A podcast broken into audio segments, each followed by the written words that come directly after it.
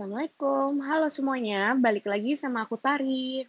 Baiklah, uh, kali ini aku bakalan bawain podcast tentang serangan panik, ya, atau panic attack atau anxiety yang aku sendiri alamin.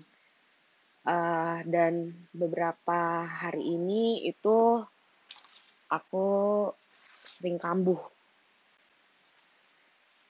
uh, buat kalian yang mau tahu serangan panik itu apa, jadi serangan panik itu adalah jenis gangguan jiwa yang dialami oleh seseorang. Uh, ini tuh kejadiannya menyebabkan luapan emosi, uh, rasa takut, amarah, dan juga sebagainya. Hmm, dan ciri-ciri orang yang mengalami serangan panik itu wajahnya tuh bisa merah, sesak napas, sakit dada, mual, sakit kepala, dan takut yang benar-benar intens. Nah, si penderita juga bisa mengalami kehilangan kendali. Jadi, seseorang yang mengalami keserangan panik sering kali merasa bahwa ia tidak dapat melakukan sesuatu untuk mengubah situasi yang dialaminya. Seorang yang mengalami serangan panik juga dapat merasa terancam saat berada dalam kondisi atau lingkungan tempat dia berada. Jadi, nggak sedikit orang yang menderita serangan panik ini menutup diri dari interaksi sosial. Jadi, lebih baik aku mundur daripada aku berada di suatu keramaian dan aku merasa aku panik gitu loh. Dan serangan panik ini munculnya tiba-tiba dan sangat sulit untuk dikendalikan. Nah, serangan panik ini sebenarnya ada pemicunya, tapi kadang juga serangan panik ini timbul secara tiba-tiba tanpa adanya pemicu dari lingkungan di sekitar. Apa sih pemicu serangan panik itu? Nah, guys, pemicu serangan panik itu bisa aja trauma atau pengalaman di masa lalu yang membuat diri sangat tertekan.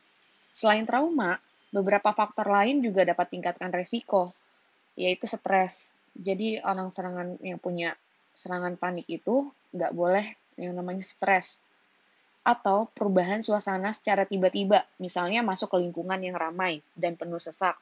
Contohnya, uh, aku kan kerja di hotel ya guys, uh, di resepsionis. Tiba-tiba ada grup masuk uh, secara bersamaan sekitar 50 atau sampai 100 orang. Kaget nggak tuh? Tiba-tiba banyak orang.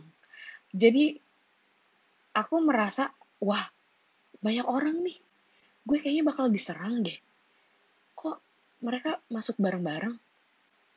Jadi di situ aku merasa terancam gitu. Atau juga ada pemicunya itu faktor genetik. Misalnya di keluarga itu ada yang punya riwayat serangan panik.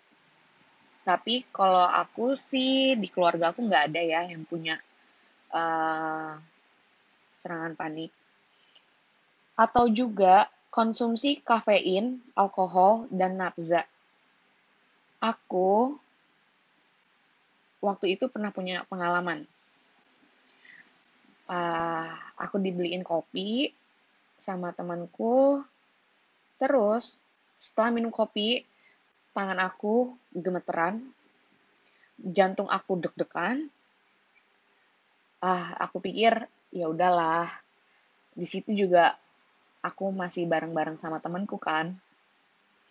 Uh, terus ketika mereka semua udah pulang, suasana jadi berubah, benar-benar berubah.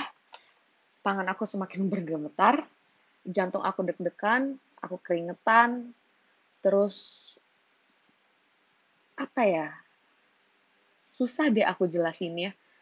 Intinya aku langsung panik. Langsung panik, tiba-tiba aku langsung teriak dan aku langsung ketakutan. Kayak ada suatu hal yang bakal terjadi gitu loh. Akhirnya aku telepon teman aku tolong tolong datang ke sini. Aku lagi kena serangan panik aku kambuh tolong. Akhirnya temanku datang pas temanku datang itu aku udah udah nggak bisa kontrol aku udah nggak tahu gimana aku nangis nangis aku sedih. Jadi balik lagi. Seperti ada trauma di masa lalu itu yang membuat aku sedih. Aku nggak bisa jelasin sedihnya itu apa. Aku nggak lagi mikirin tentang apa. Intinya aku sedih. Intinya aku itu sakit banget. Sampai akhirnya setelah 20 sampai 30 menit selesai serangan panik itu teman aku bilang kamu tuh sampai nyakitin diri kamu.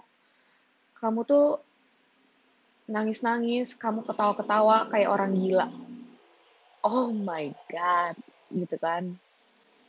Separah itu kah sampai aku nggak sadar. Kalau aku ketawa-tawa, aku nyakitin diri aku, aku sampai nangis-nangis. Yang aku cuman rasain itu aku sedih, nggak tahu aku sedih kenapa. Sejak saat itu, aku memutuskan untuk tidak lagi minum kopi. Padahal aku tuh suka banget sama kopi, apalagi kopi susu yang lagi hits sekarang, ya kan? Itu enak banget. Aku udah gak bisa menikmati itu lagi. Ya ampun. Nah, hmm, apa lagi ya? Oh, ya udah aku mendingan cerita pengalaman aku lagi ya, yang baru aja terjadi minggu lalu. Uh, seperti yang kalian tahu, aku ini uh, pengidap bipolar juga aku nggak bisa tidur selama tiga hari. Aku mulai halusinasi, delusi, kayak aku ngelihat sesuatu, aku mendengar sesuatu, padahal itu nggak ada. Terus aku kayak berimajinasi sesuatu dan aku ngerasa itu tuh real. Contohnya gini, aku lagi aku misalnya lagi kena lagi kambuh bipolarku, menik aku, yang nggak bisa tidur, aku biasanya baca buku. Pas aku lagi baca buku, aku ngelihat ada orang yang lewat. Tapi aku tahu, itu tuh bukan orang, itu bukan setan. Terus aku mendengar sesuatu, mendengar suara orang jalan. Tapi aku cek nggak ada orang, dan itu tuh bener-bener cuman ada di otak aku doang dan aku yakinin lagi otak aku nggak itu nggak ada lo tuh nggak denger apa-apa lo nggak lihat apa-apa oke okay. aku baca buku lagi otak masih berpikir tadi apa ya kok ada suara orang jalan kok tadi ada orang lewat padahal kan ini udah jam 3 pagi aku semakin deny aku semakin berpikir sampai akhirnya aku ketakutan. Aku ketakutan berpikir, itu apa ya? Kok tadi ada suara orang jalan, ada suara ada orang lewat. Sampai akhirnya aku lost kontrol. Aku nangis-nangis, aku ketakutan, aku duduk di pojokan, aku telepon mamaku. Ma, tolong aku, tolong, aku takut, aku takut. Takut kenapa? Aku takut, kayaknya aku mau mati deh, Ma. Ada sesuatu, gitu. Memang itu yang aku rasain. Terus aku ceritain kalau aku ngeliat dan aku mendengar sesuatu, gitu kan. Udah tenang, tenang. Untung nyokap aku itu ngerti ya. Dia udah mulai paham uh, tentang uh, kesehatan mental. Terus aku matiin, aku telepon lagi yang lain aku telepon temanku mbak tolong aku aku aku takut bla bla bla bla bla aku jelasin terus dia bilang ya udah sekarang kamu sholat. Uh, setelah dia bilang kamu sholat kotakku langsung berpikir gila kalau gue sholat gue diterima nggak ya sama Tuhan? Karena akhir-akhir ini gue emang jarang sholat gitu kan. Akhirnya kepanikan itu berubah bukan melihat dan mendengar sesuatu yang tadi itu. Sekarang paniknya tentang ini Tuhan terima nggak kalau gue sholat? Terus gue nangis-nangis uh, gue bilang kalau aku sholat aku diterima nggak ya? Ya ampun aku kan udah lama gak sholat. Kalau aku sholat diterima nggak mbak? Tolong aku aku takut. Aku takut sama Allah aku takut. Dosa aku banyak terus temen aku ini mencoba untuk menenangkan aku kan. Sampai udah akhirnya 30 menitan berlalu akhirnya aku sadar. Aku sadar aku ngerasa lega. Leganya tuh bener-bener kayak gue berasa hidup kembali gitu loh. Terus kayak lucu aja gitu. Gue tadi kenapa sih? Kok gue kayak gitu ya ya ampun kalau aku inget-inget serangan-serangan panik itu lucu sih. Aku di sini cuman berbagi pengalaman aku aja ya. Sebenarnya masih banyak sih cerita-cerita tentang panic attack aku. Uh, buat kalian yang dengar, uh, sorry kalau misalnya ngerasa jadi trigger buat kalian.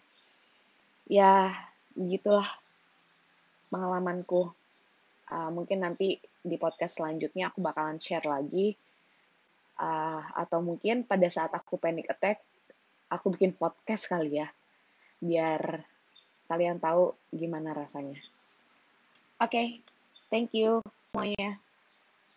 Bye-bye.